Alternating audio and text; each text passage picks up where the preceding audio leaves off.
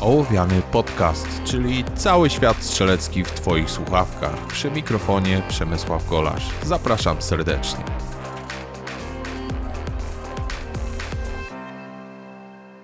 Cześć, witam Was bardzo serdecznie w 31 odcinku Ołowianego.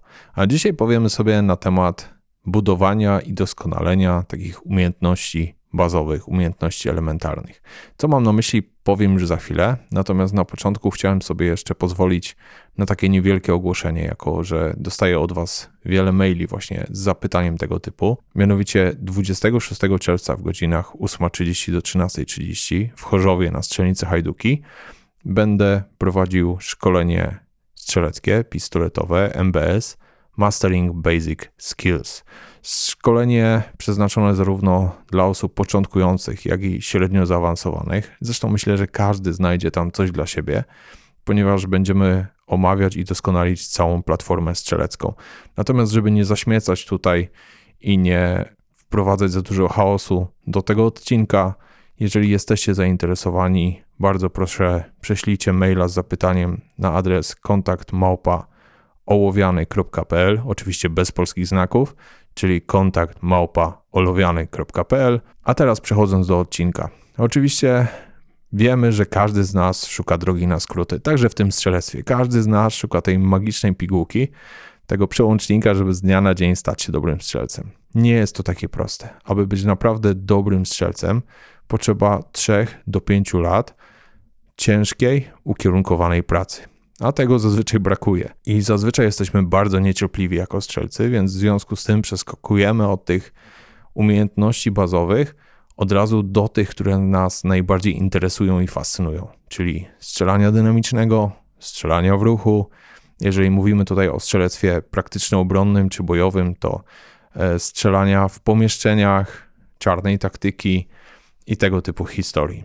I teraz co się dzieje? Dzieje się coś takiego, że niejednokrotnie widziałem strzelca, który próbował swoich sił w na przykład strzelstwie dynamicznym w IPSC i mimo wszystko musiał sobie zrobić przerwę, musiał wrócić do podstaw, nauczyć się celnie strzelać grupy na określonym dystansie i dopiero wrócił, aby kontynuować swoją przygodę. I nie mówię tutaj tego po to, aby kogoś zniechęcać do startowania w zawodach dynamicznych. W żadnym wypadku. Takie zawody na przykład jak Steel Challenge są naprawdę rewelacyjnymi zawodami do tego, aby rozwijać te bazowe umiejętności strzeleckie. I to właśnie chyba Steel Challenge jest najbardziej takim przyjaznym dla strzelca sportem, jeżeli chodzi o strzelectwo, który pomaga się bardzo szybko rozwijać. Ale o jakich tych umiejętnościach bazowych mówię i dlaczego to jest takie ważne? Ponieważ płynność bierze się nie z tego tylko, jak szybko wykonujesz elementy danej czynności, ale też jak wiele zbędnych ruchów z tego wykluczysz. I tutaj powie wam to każdy z bardzo dobrych strzelców, każdy z bardzo dobrych instruktorów, że właśnie w tych podstawach tkwi siła. W tej pierwszej fazie, w tej fazie po pierwsze umiejętności strzelania grup na danym dystansie precyzyjnie, czy to mówimy o 15 czy o 25 metrach, czy nawet o większych dystansach, a po drugie o tych wszystkich umiejętnościach, które określiłbym jedną nazwą: stój i strzelaj. Ten właśnie taki podstawowy blok ma w sobie wszystkie umiejętności, które są taką podwaliną waszego sukcesu. Nie chodzi tutaj tylko o postawę, ale na przykład bardzo ważny jest sposób trzymania broni. Nie mogę wyliczyć naprawdę strzelców, którzy naprawdę fatalnie trzymają pistolet. A właśnie ze sposobu trzymania pistoletu, z waszego chwytu, wynika to, jak szybko wyrobicie sobie indeks. Jeżeli ten chwyt nie jest w 100% powtarzalny, nie wyrobicie sobie indeksu, ponieważ za każdym razem ten pistolet będzie się względem oka układał trochę inaczej, inaczej wchodził na tą linię oko-cel i będziecie mieli taki problem, że będziecie poprawiać te końcówki. W zależności od tego, jak dokładnie i jak mocno trzymacie pistolet, jak dobrze rozumiecie, które grupy mięśniowe i w jaki sposób powinny pracować, które stawy należy blokować, a które nie, od tego wszystkiego zależy, jak dobrze będziecie kontrolować swój pistolet w odrzucie. A jak to jest ważne, chyba nie muszę mówić. Jak ważne jest to, żeby po pierwsze pistolet nie podskakiwał nam za bardzo, ale jeszcze ważniejsze jest to, aby po każdym strzale wracał dokładnie w punkt, z którego wyszedł, aby mógł strzelać skutecznie wielostrzały. Jeżeli nie znacie takich pojęć jeżeli chodzi o podejście do celu, jak atak i kontrola. Jeżeli nie wiecie, jak różnicować pracę na przyrządach celowniczych i pracę na języku spustowym, w zależności od tego, na jakim dystansie jest wasz cel i jakiej wielkości jest wasz cel. Jeżeli nie jesteście w stanie zrobić na naprawdę wysokim poziomie jakichś bazowych ćwiczeń na kontrolę broni, takich jak build drill, jeżeli nie jesteście w stanie wykonać właściwie ćwiczeń w stylu przenoszenie z celu na cel, takich jak Blake, to naprawdę nie jest to moment, kiedy powinniście szukać tych zaawansowanych spraw, jeżeli chodzi o strzelectwo. Specjalnie powiedziałem to z takim zaznaczeniem, ponieważ moim zdaniem bardzo wiele kursów i szkoleń jest reklamowanych jako pistolet zaawansowany, pistolet level 3, level 5, level 7. Okej, okay, no wiadomo, marketing ma swoje prawa, ale z drugiej strony, moim zdaniem, kluczem do sukcesu jest baza. Kluczem do sukcesu jest to, aby ta baza została opanowana do perfekcji. Jeżeli będziesz w stanie zrobić Billa czy Blake'a w dwie sekundy, to uwierz mi, że przeskoczysz niejednego, który brał udział e, w szkoleniu pistolet level 15. A to z tego względu, że ty będziesz miał wszystko posklejane perfekcyjnie i w momencie, kiedy pójdziesz potem na szkolenie, gdzie jest strzelanie w ruchu, gdzie jest dynamiczne wejście czy wyjście z pozycji strzeleckiej, to tak naprawdę cała reszta, ta, którą wypracowałeś wcześniej, przejdzie już do takiej podświadomości, do automatyzmu ruchowego. I w tym momencie nie będzie to w ogóle zabierało Twojej uwagi, będziesz w stanie w 100% skupić się na tym, na czym powinieneś się skupić. A jeżeli tego jeszcze nie ma, a Ty próbujesz brnąć dalej, to tak naprawdę próbujesz budować e, budynek na glinianym fundamencie, który runie lada moment.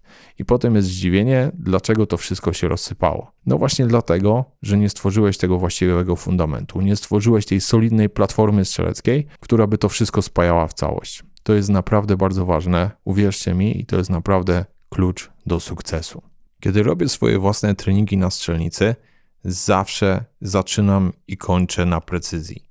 Z tego względu, że pomiędzy tymi ćwiczeniami z precyzji jest dynamika. Natomiast ta precyzja musi być za każdym razem doskonalona, żeby być świadomym tego, że jesteś w stanie wykonać to podstawowe zadanie, czyli strzelić naprawdę fajną grupę na właściwie każdym dystansie.